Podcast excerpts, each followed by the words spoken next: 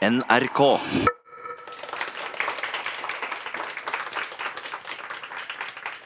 Velkommen til Sakprosafestivalen i Trondheim, som arrangeres på Litteraturhuset og Kunsthall Trondheim. Jeg er kjempeglad for å kunne lede denne samtalen om det dystopiske temaet fallende fertilitet. Dør vi ut? Jeg heter Monica Aasen. Eh, de har sagt at jeg er surfeminist, men jeg tenker på meg som en sur gladfeminist, egentlig. Jeg tenkte jeg skulle introdusere uh, våre, våre, kjære paneldeltakere, som jo er da forfatteren, altså skaperen av det her verket 'Spermageddon'. Nils Christian Gelmin. Vi kan jo begynne med deg. Ja. Hvem jeg er? Ja. Nei, Jeg er jo journalist og forfatter. Jeg er egentlig utdannet statsviter. Jeg har hovedfag i det. Og så har jeg um, psykologi og historie. Hadde egentlig tenkt å bli diplomat, prøvde å komme inn på det, men jeg har jo skjønt at jeg har brukt det meste av mitt voksne liv til å skape konflikt, så det var veldig lurt at jeg ikke ble ambassadør eller noe sånt. Eh, jeg har skrevet nesten hele livet, eh, mest som journalist, og så har jeg drømt om å leve av eh, bøker, og nå har jeg klart det i seks år. Og dette er den siste boken vi skal snakke om i dag, tror jeg. Den kom for en måneds tid siden. Det er den sjette av da, seks faktabøker. Og alt i alt har jeg skrevet 37 bøker, hovedsakelig om mennesker. Eh, så disse seks faktabøkene er litt unntaket, men jeg føler at jeg gjør det samme som jeg alltid har gjort. At jeg portretterer uh, mat og drikke og legemidler og aldring og sædkvalitet um, på samme måte som jeg har gjort det med når jeg har portrettert Sylvi Listhaug eller, eller Marit Bjørgen. Da har jeg alltid tenkt hvordan blir man sånn, og hva vil det si å være sånn? Så jeg føler at jeg driver med det samme som jeg alltid har gjort. Veldig bra. 37 bøker. Jeg synes Kanskje vi skal ta den applausøvelsen akkurat nå, eller?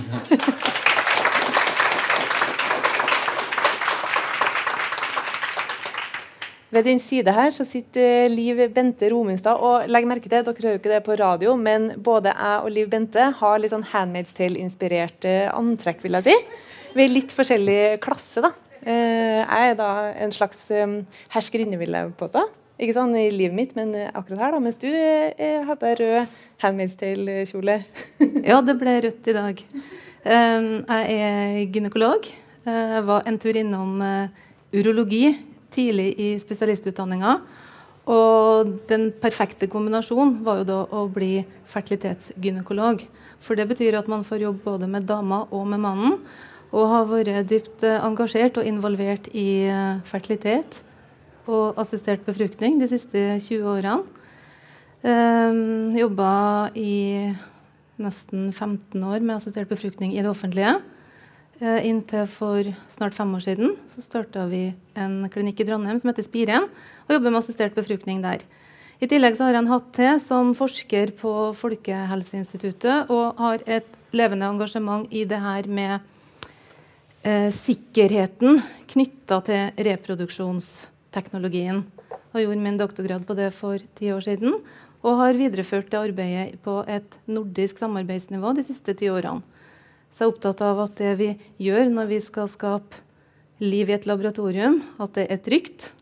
At det ikke skal innebære noe ekstra risiko.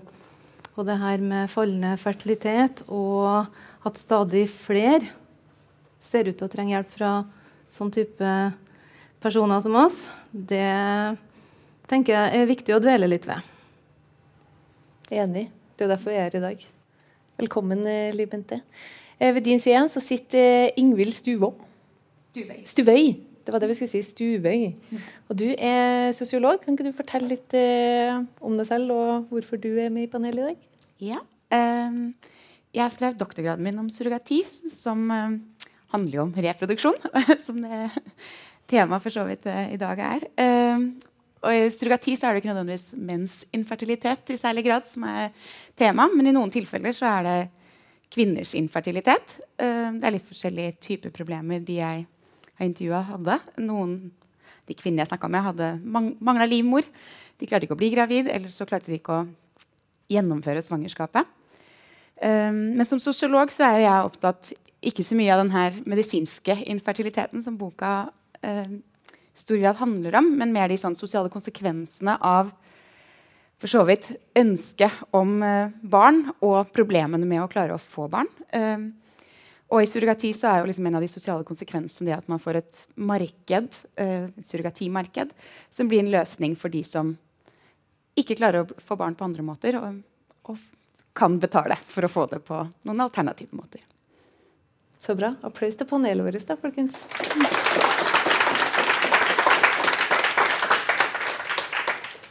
Den boka som eh, Nils Kristian Eller du vil at jeg skal kalle deg bare Nils? Altså, det er jo i praksis sånn at de som kjenner meg, sier Nils. Ja, jeg kjenner deg jo nå. Ja, Ja, vi er Facebook-venner, Ja. så vi, vi, da sier jeg Nils.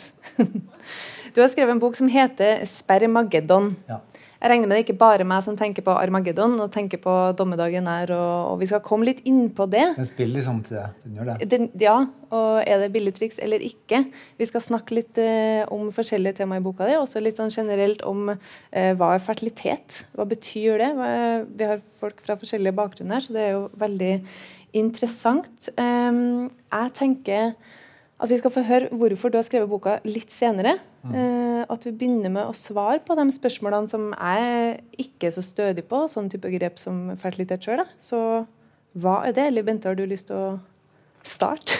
kan du forklare oss litt begrepene som er litt sånn Ja, hovedelementene? Ja, eh, Det der med fertilitet er jo definert som en evne til å reprodusere seg, og det å bli gravid og det å føde barn.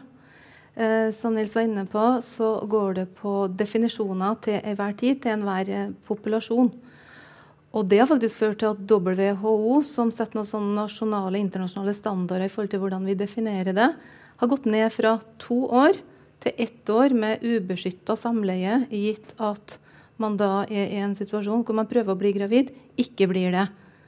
Da snakker man om infertilitet. Så fertilitet eller fekunditet sier noe om evnen til å bli gravid og faktisk føde et barn. Mm. Ikke sant? Det har du veldig mye peiling på. Du møter jo folk eh, hele tida som eh, prøver. Eller har Det er det jeg gjør, og jeg sitter kanskje i en litt spesiell situasjon fordi jeg er veldig klar over at vi møter en selektert del av befolkninga hvor et problem er erkjent. Og min oppfatning av den verden bærer nok litt preg av at du møter folk som har et problem. Eh, så er det jo sånn at eh, med tilgang til informasjon, så er det sånn at vi opplever at en stadig økende andel lurer på det her med sin egen fertilitet. Og om det fins måter å få kartlagt sin egen fertilitet. For vi lever i en tid nå der det er viktig å ha kontroll. Vi laster ned applikasjoner på vår telefon. Vi er ekstremt avhengig av å ha kontroll. Og etter hvert som det blir en økt si, kunnskap da, i befolkninga av at eh, vi venter, vi skyver på det her med å bli gravid. For det, det, det er så utrolig mange ting som skal på plass. Det passer liksom aldri. Man skal helgardere seg, og, og da å på en måte komme til oss og spørre er det greit å vente. Det opplever vi ganske ofte at damer gjør. Og damer, ja. Først og fremst damer. Og Ja. hvorfor det? Eh, hvorfor tror du at det altså, Når vi skal inn litt på eh, er det her, eh, Hvorfor er det viktig å skrive om fallende mannlig fertilitet? Så tenker jeg Vi kan godt snakke litt om hvem det er som oppsøker deg, da, Liv Bente f.eks. Damer tror jeg er vant i større grad til å bli eksponert for oss fra helsevesenet pga. at man eksempelvis skal sjekke seg for kjønnssykdommer tidlig i 20-årene. Eh, Så kommer man inn i livmorhalsprogrammet og skal ta en celleprøve. Og I økende grad så, så hører vi eh, kan du sjekke det der med eggstokkreservene mine samtidig. Fordi damer er vant til å forholde seg til underlivet eh, som noe som skal sjekkes av og klareres. Og er i større grad villig til i hvert fall å formidle til oss som helsepersonell da, at det kanskje ligger en bekymring bak der. Eh, jeg tror ikke nødvendigvis at gutter og mennene er mindre bekymra, men de er i mindre grad villige til å tilkjennegi sin bekymring. Så når de kommer da og skal ta en avsjekk på hvordan det står til med sin fertilitet, så er det langt sjeldnere. Det sitter lengre inne. Ikke det at de er mindre bekymra eller mindre belest, men for en mann, og det håper jeg vi kan snakke litt om i dag, da, så er Jeg opplever det i hvert fall sånn at fallhøyden er større i forhold til muligens å skulle få en negativ eller en ikke fullt så god beskjed. Har du lyst til å si litt om det her, eh, sosiologen eh, Ingvild? Ja, eh, gjerne det.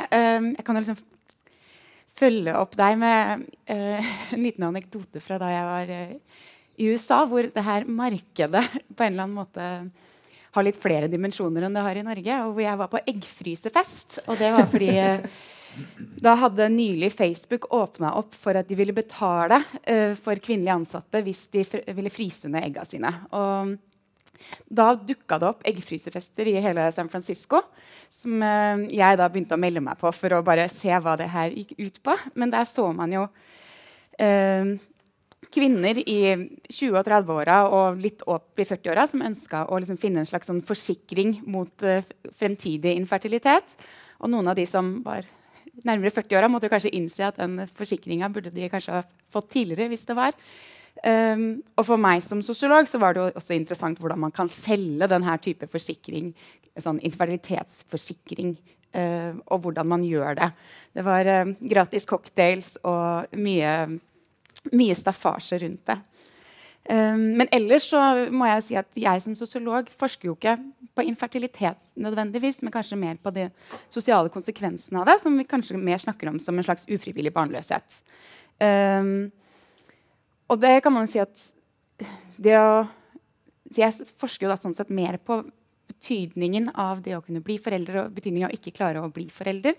Um, og det vi veit er jo at for det første at det å bli forelder er en identitet som har en viss um, som er viktig for mange mennesker og viktig i vårt samfunn.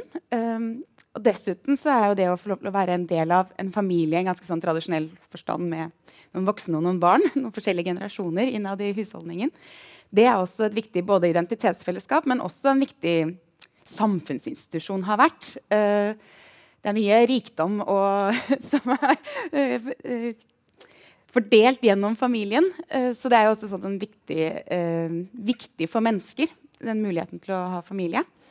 det er en trygghet knytta til det. Så Derfor så blir også det her med ufrivillig barnløshet det blir sånn, noen spørsmål der knytta til noen sosiale skillelinjer mellom hvem som får mulighet til å bli foreldre, og hvem som ikke får mulighet til det. Og jo mer markedsgjort det blir, jo mer knytter det seg opp til noen andre ulikheter i samfunnet. Uh, om du har råd råd eller ikke. Um, men på den kanskje mer positive sida så er det noe med den her Hvis vi nå ser at det kanskje blir uh, flere som ender opp som barnløse, så utfordrer det oss kanskje også til å tenke nye fellesskap. Vi må leve livene våre i andre typer fellesskap enn det vi kanskje tradisjonelt har gjort. Den tradisjonelle kjernefamilien. Så der er det jo liksom Vi kan bruke de siste Hvor mange år er det du sier vi har igjen? de siste, 13, 13.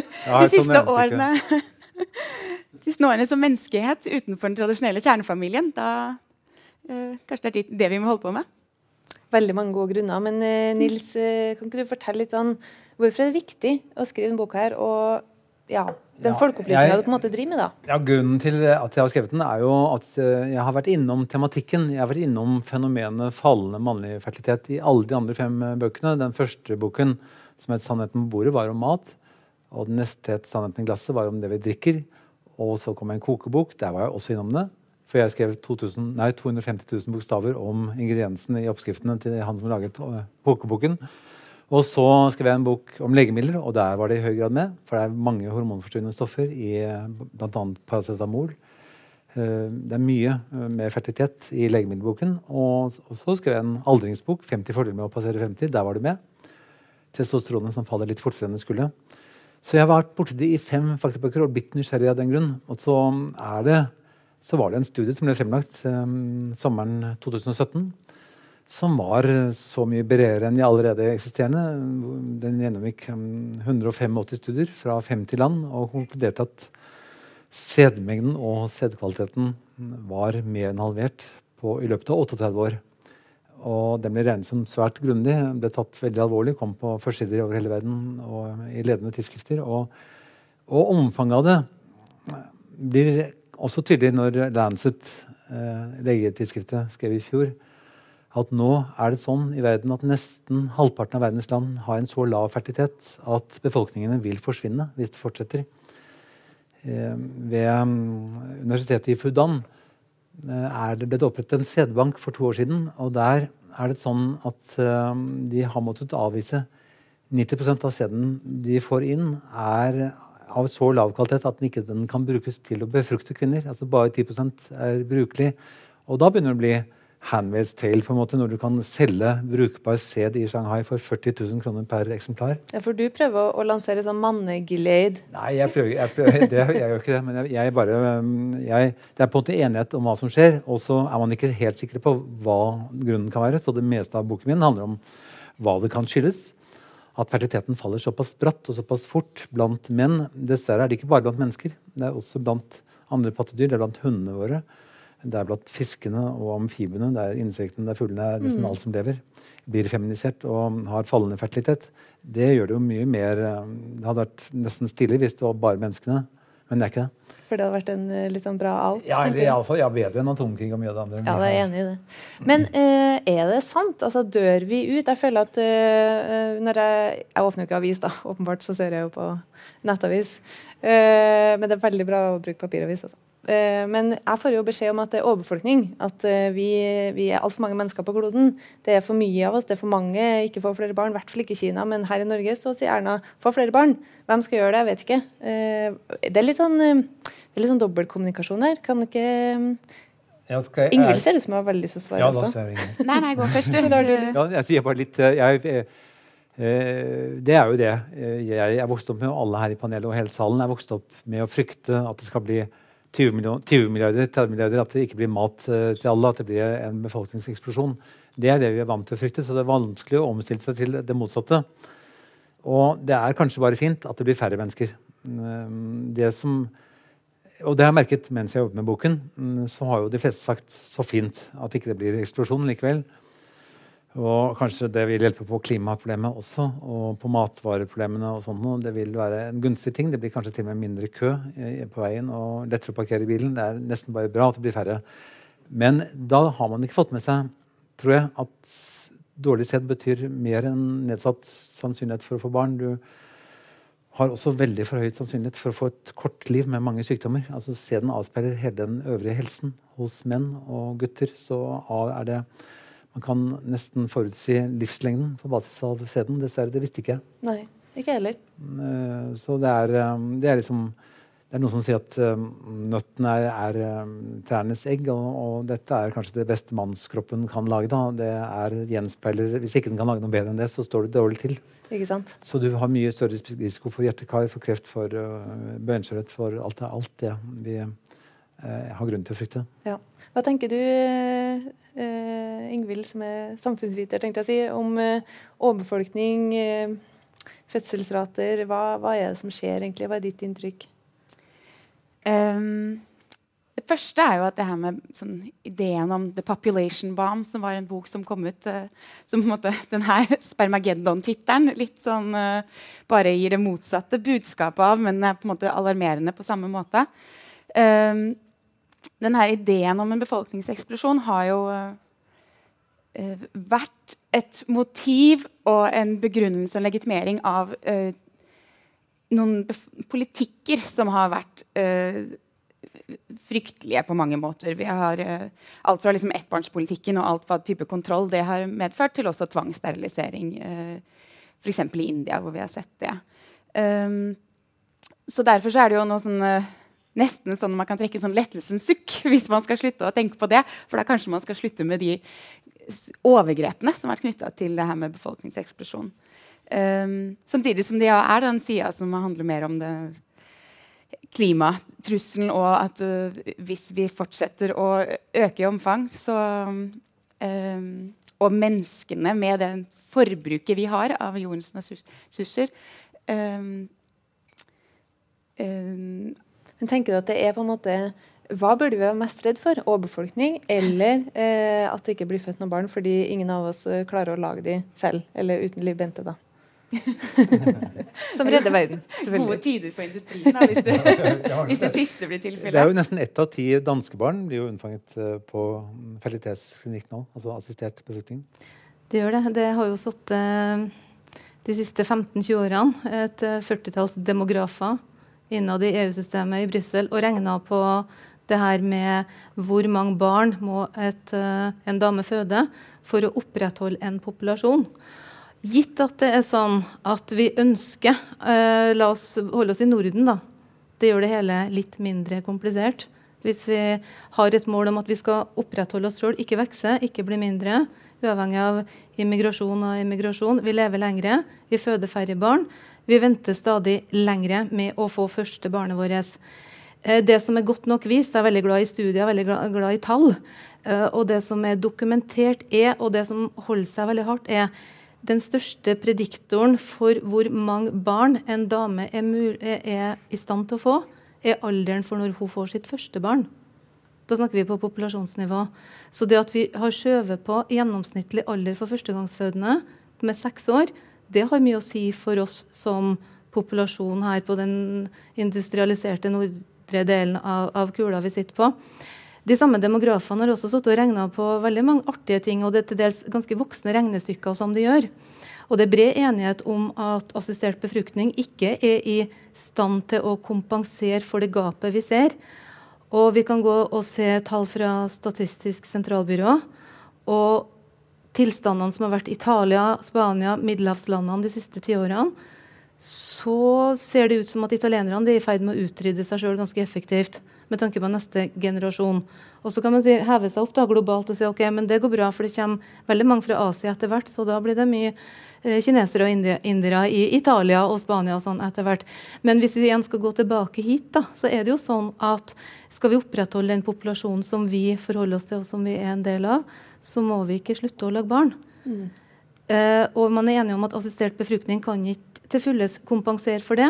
Men det er også heva over enhver tvil, og det er også godt nok vist at ved hjelp av assistert befruktning så blir det født barn som ellers ikke har ville kommet til å blitt født. Mm. Det er jo, jeg tenker jo, eh, det er jo kanskje ikke det dummeste at Europa på en måte hadde Vi har jo ikke vært de snilleste og kuleste, vil jeg si. Det finnes jo andre kontinent som er har vært uh, utsatt for oss. Faktisk er det ekstra ille i Asia. Altså, det er mye verre enn man skulle tro. Eh, Sør-Korea hadde i fjor en fertilitetsrate på 0,95. Mm. Man må ha 2,1 for å opprettholde befolkningen. Og der har det betyr da to, bare unnskyld, men ja. det betyr 2,1 barn? Ja, ja. gjør det. Det er, det, det, det er grunnen for å, at befolkningen skal være, holdes ved like. Og ikke uh, slukne hen eller tynnes ut så må man ha 2,1. Og i Sør-Korea i fjor var det 0,95. Da går det fort feil vei.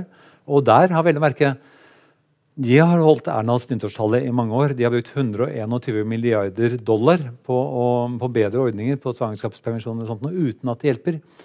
Og kanskje, kanskje, tror Erna og veldig mange andre at uh, man kan kjøpe seg til alt. Vi er vant til at mye kan kjøpes for penger, men fertilitet er jo blant de tingene man kan, ikke kan kjøpe seg til ved svangerskapsordninger eller nyttårstaler. Um, og assistert befruktning kan jo bli sovepute, som du antyder. Um, ikke alle får det til da heller. 30 får det ikke til etter fem år. Uh, pluss at det er dyrt, uh, og kvinnen tar det meste av støyten. Men Apropos det at kvinnen tar det meste av støyten. for Jeg føler i hvert fall at det er jeg som får direkte beskjed fra Erna om at jeg må føde flere barn. Men ifølge en ny bok jeg har lest som heter 'Spermageddon', så er det altså da eh, to av tre tilfeller eh, ved infertilitet, altså sæden som er problemet.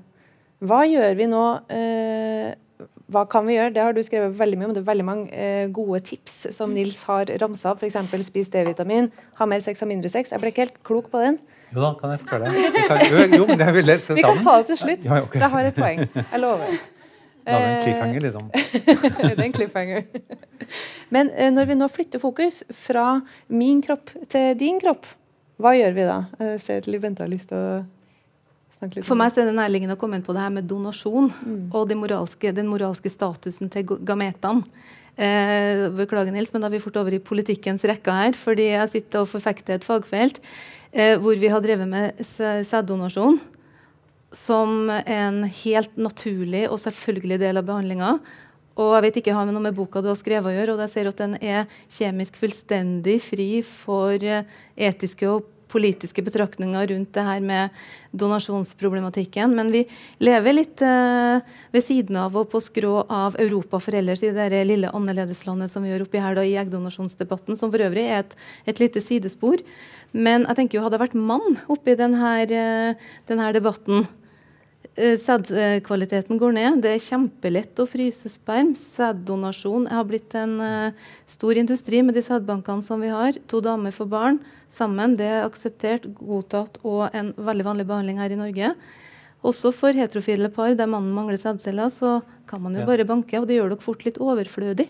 Det er litt skummelt. Ja, det er, du, kan si det er jo skummelt at menn blir overflødige. Det er jo også med, hovedsakelig menn og gutter som hopper av videregående. Det, gutter har jo, er jo dårligst i alle fag. Det, kan, det er en annen diskusjon, tenker jeg. Ja, det er en annen Ja. diskusjon. Nå snakker vi om sæd ja da, ja da, vi snakker om sæd. Og jeg tenkte på det du sa i sted. Så sa du noe med at det er jo, jentene er vant til gynekologer. De går og undersøker seg. De har et annet forhold til kroppen sin.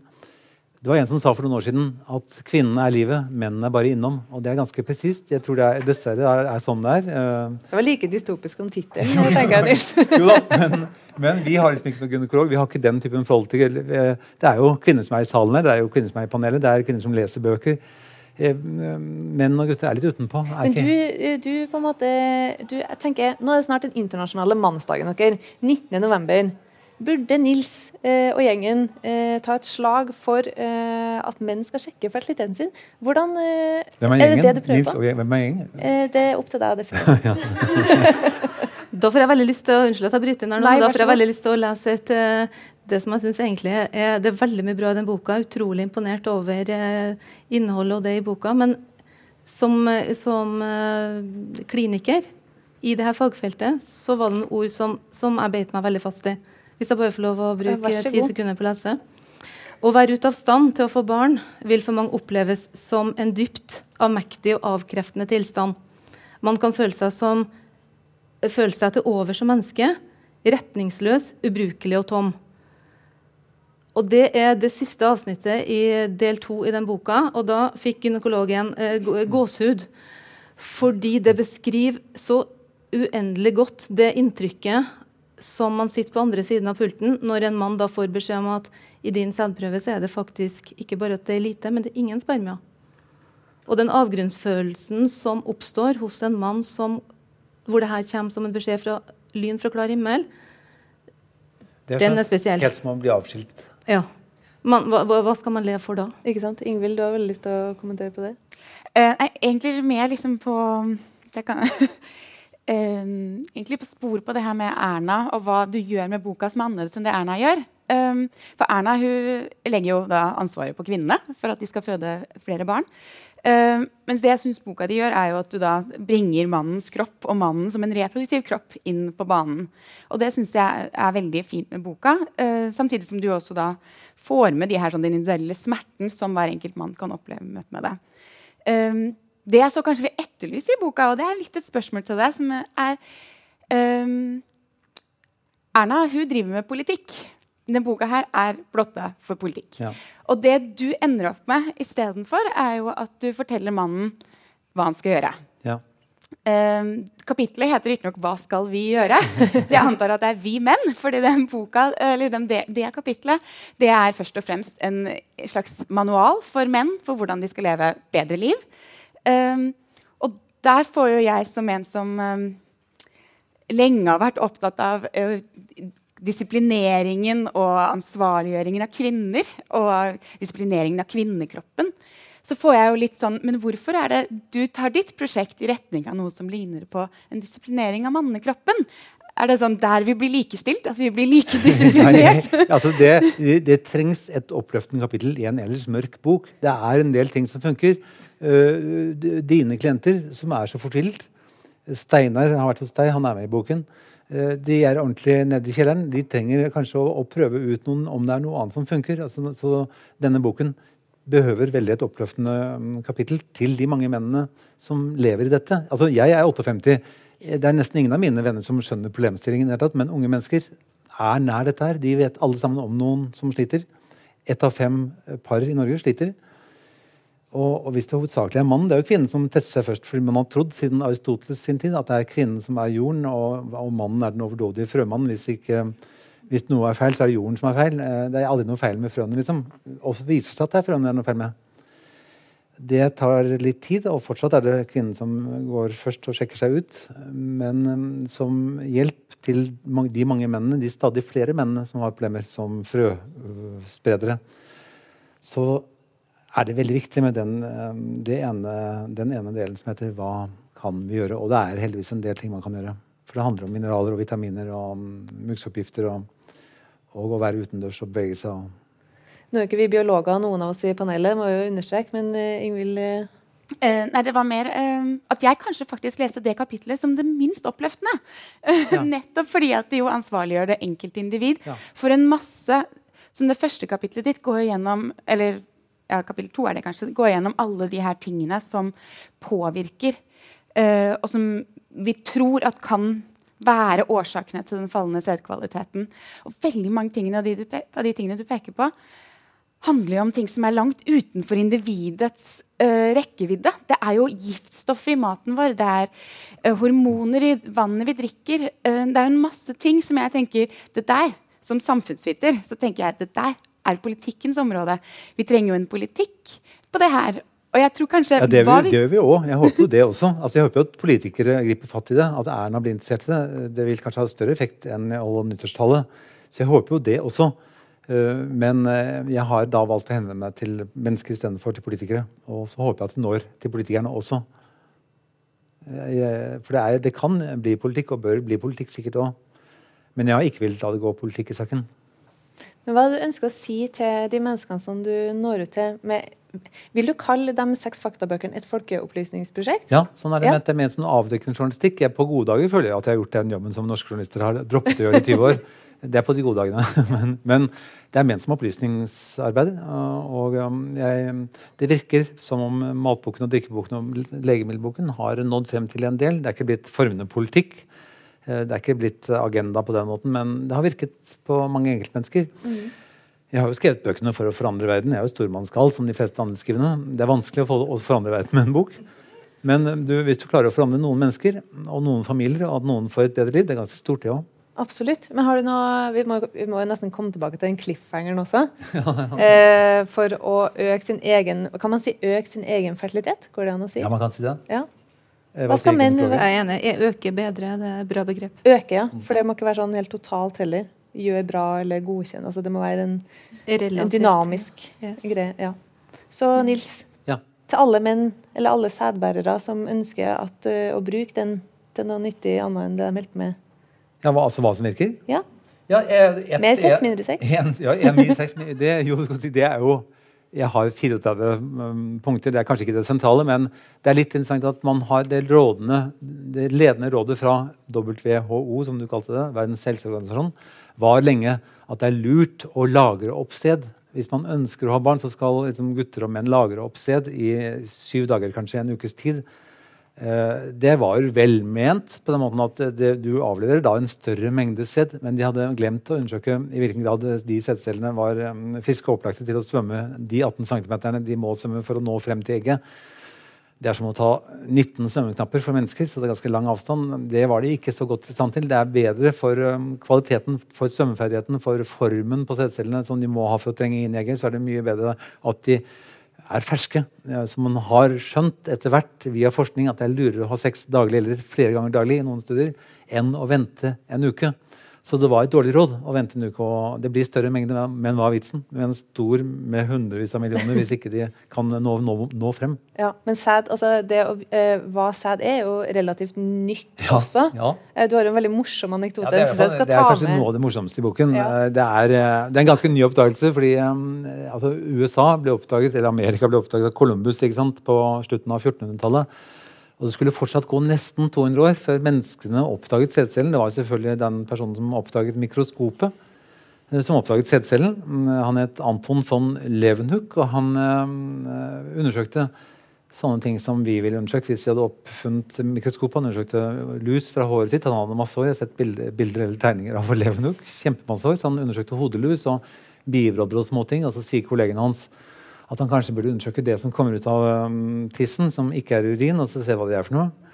Og det syntes han var ekkelt. forslag. Han utsatte det ganske lenge. Og en dag så gjorde han det likevel, og ble helt sjokkert. Eh, for da så han jo at det var masse rumpetroll um, uh, som kom ut av den vesken. Og han tenkte at han var alvorlig syk. Mm, at det var ålyngel, at han var døende og sånn noe. Og han skrev et brev til lederen av Vitenskapsakademiet i London og sa at han hadde gjort et svært upassende funn. et ekkelt funn. Han regnet med at det var av liten verdi for vitenskapen, og at han bare skulle kansellere hele greia. og legge seg inn på sykehuset, sikkert. Men iallfall um, ble så sa sjefen for Vitenskapsakademiet i London at det skulle publiseres. heldigvis. Og Det som er mest uforståelig med oppdagelsen, er jo at dette er 150 år før menneskene oppdaget eh, egget hos kvinnelige pattedyr. Desto mer uforståelig var jo disse rumpetålene. rumpetrollene. Så man trodde i en mannsdominert verden at dette var minimennesker. Mini-rumpetrollmennesker. At det var komplette mennesker som skulle liksom settes inn eh, som boller i ovnen eh, hos kvinnen og bli bare modnet.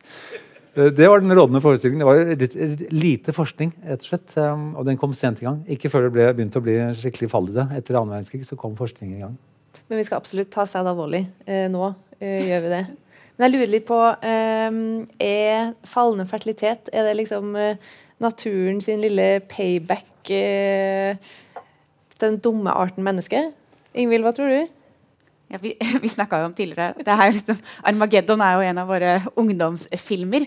Men 'Nerdenes hevn' var jo en annen ungdomsfilm. eller kanskje barndomsfilm. Så det er jo litt sånn, man får lyst til å snakke om naturens hevn her. Uh, det er noe med hva vi gjør med naturen, som nå slår tilbake uh, på oss. At vi gjør masse med ja, drikkevannet vårt, vi gjør masse med jordsmonnet, med uh, plantene som vokser opp, og som vi seinere skal spise. Um, Uh, og nå går det utover oss også. Uh, og det er jo liksom tankevekkende. Ja, ikke sant? For I boka di Nils, så snakker du om det er miljøgifter, det er muggsopp, og det er vitaminmangel, og det, og det, er alt mulig. Jeg vet ikke, Eli Bente, når du leser de uh, mulige årsakene, hva tenker du da?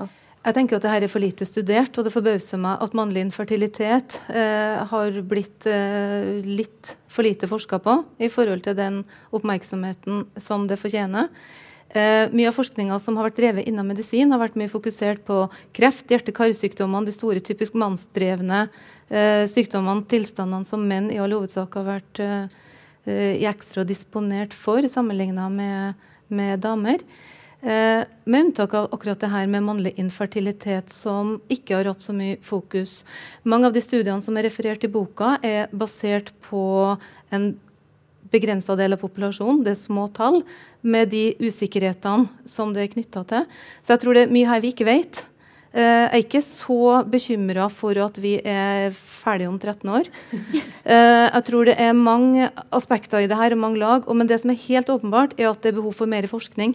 Vi må vite mer om eksakte risikoer, mer om sammenhenger. Og det å prøve å finne det som vi kaller kausale sammenhenger, er vanskelig. For man snakker, Danskene snakker om en sånn cocktaileffekt. At det er nok ikke én og én ting isolert, men det er summen av flere ting.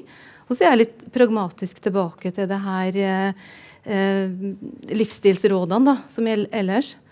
Pungen er en del av resten av mannen. Det gjelder å ta vare på seg sjøl, holde seg i form. Ut og røre seg, la være å bli for tjukk og alt det her. Det er godt nok dokumentert. Men en del av de andre påstandene som, som løftes opp, jeg er jeg litt mer skeptisk til.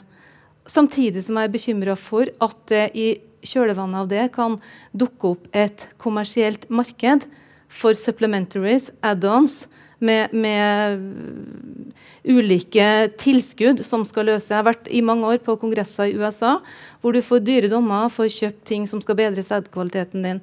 Det mangler fullstendig evidensgrunnlag. Og det er veldig viktig i skyllevannet av det her før vi setter for store årsakssammenhenger til enkelte sporelementer, metaller, vitaminer osv. Så, videre. så mer forskning.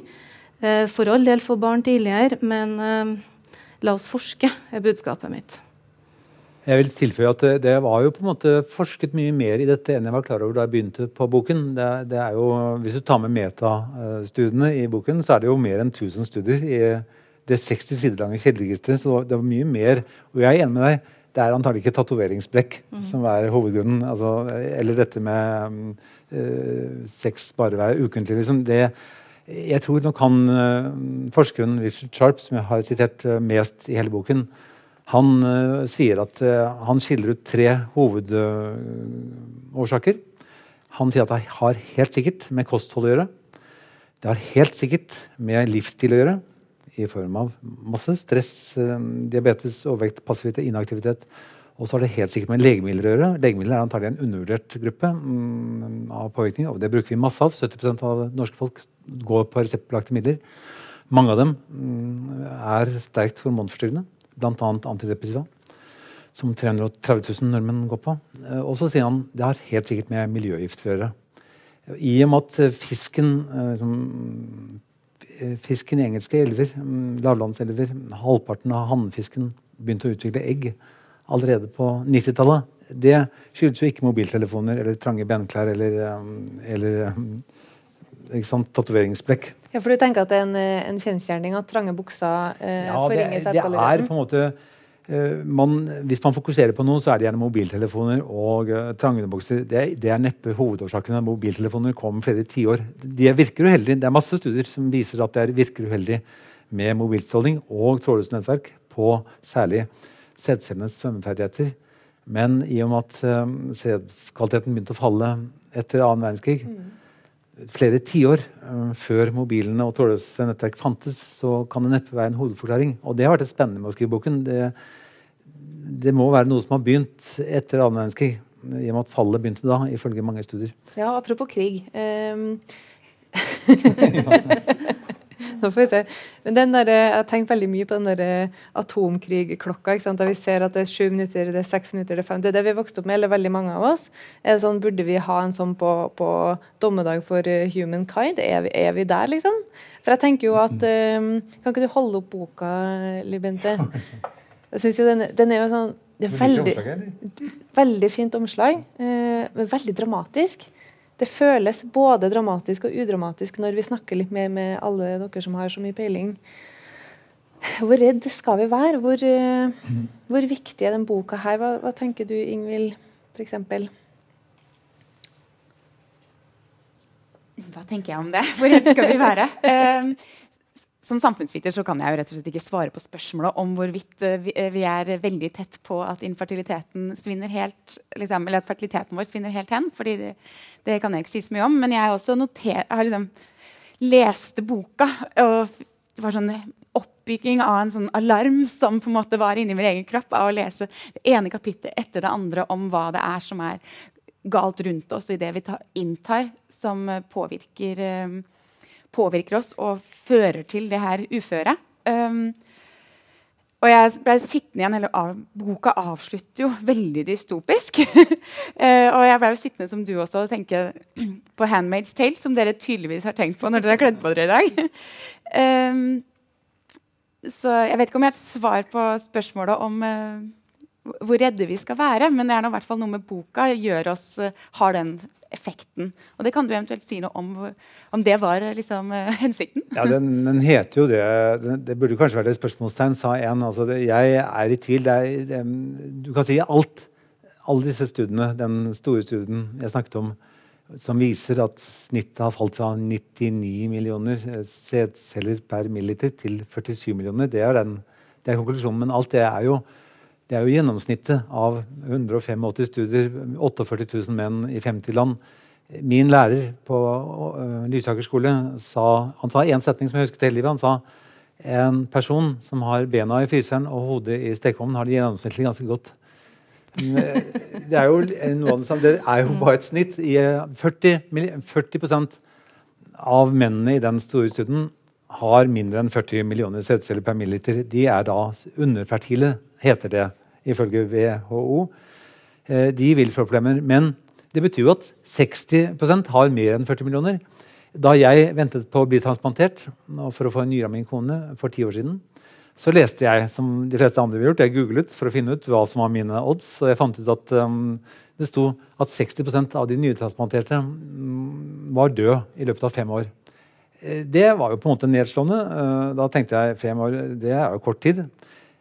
Men så tenkte jeg samtidig 40% lever altså mer enn fem år. Og 40 det er jo meg mer enn Arbeiderpartiet har hatt siden Gerhardsen. tenkte jeg. Så det er jo ikke, man må, har jo litt, Jeg tror at noen menn vil ha nok sæd til å befrukte eh, om 50 år også. Eh, det vet man jo, at um, menn som trener 15 timer i uken, har 73 flere sædceller. Menn som skifter til økologisk kosthold, kan doble antall sædceller. Det er en del ting som virker, og en del menn gjør det. Så det vil jo, altså det er, dette er jo snitt.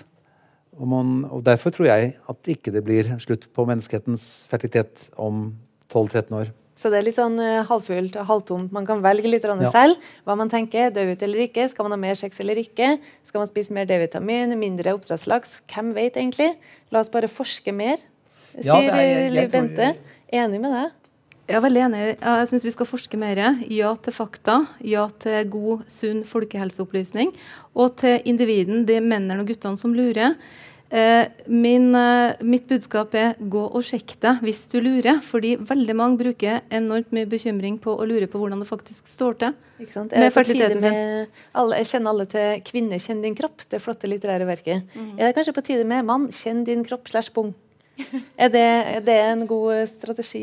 Ja, jeg, jeg, har vært veldig interessert i kroppen min. Jeg har vært interessert i kosthold. Jeg har gitt blaffen i hva jeg spiser og drikker. Jeg måtte bli alvorlig syk for å bli nysgjerrig på hva jeg spiser og, og drikker. Så ble du dramatisk og begynte å skrive dystopiske bøker. Jeg ble, ja, så tok det ene og det andre. Men nå skal jeg slutte. Dette er siste. Nå er det slutt. Ja. Nå skal jeg skrive bare hyggelige bøker. Jeg hører du sier det. Men du har skrevet 37 bøker. Ingvild, til slutt.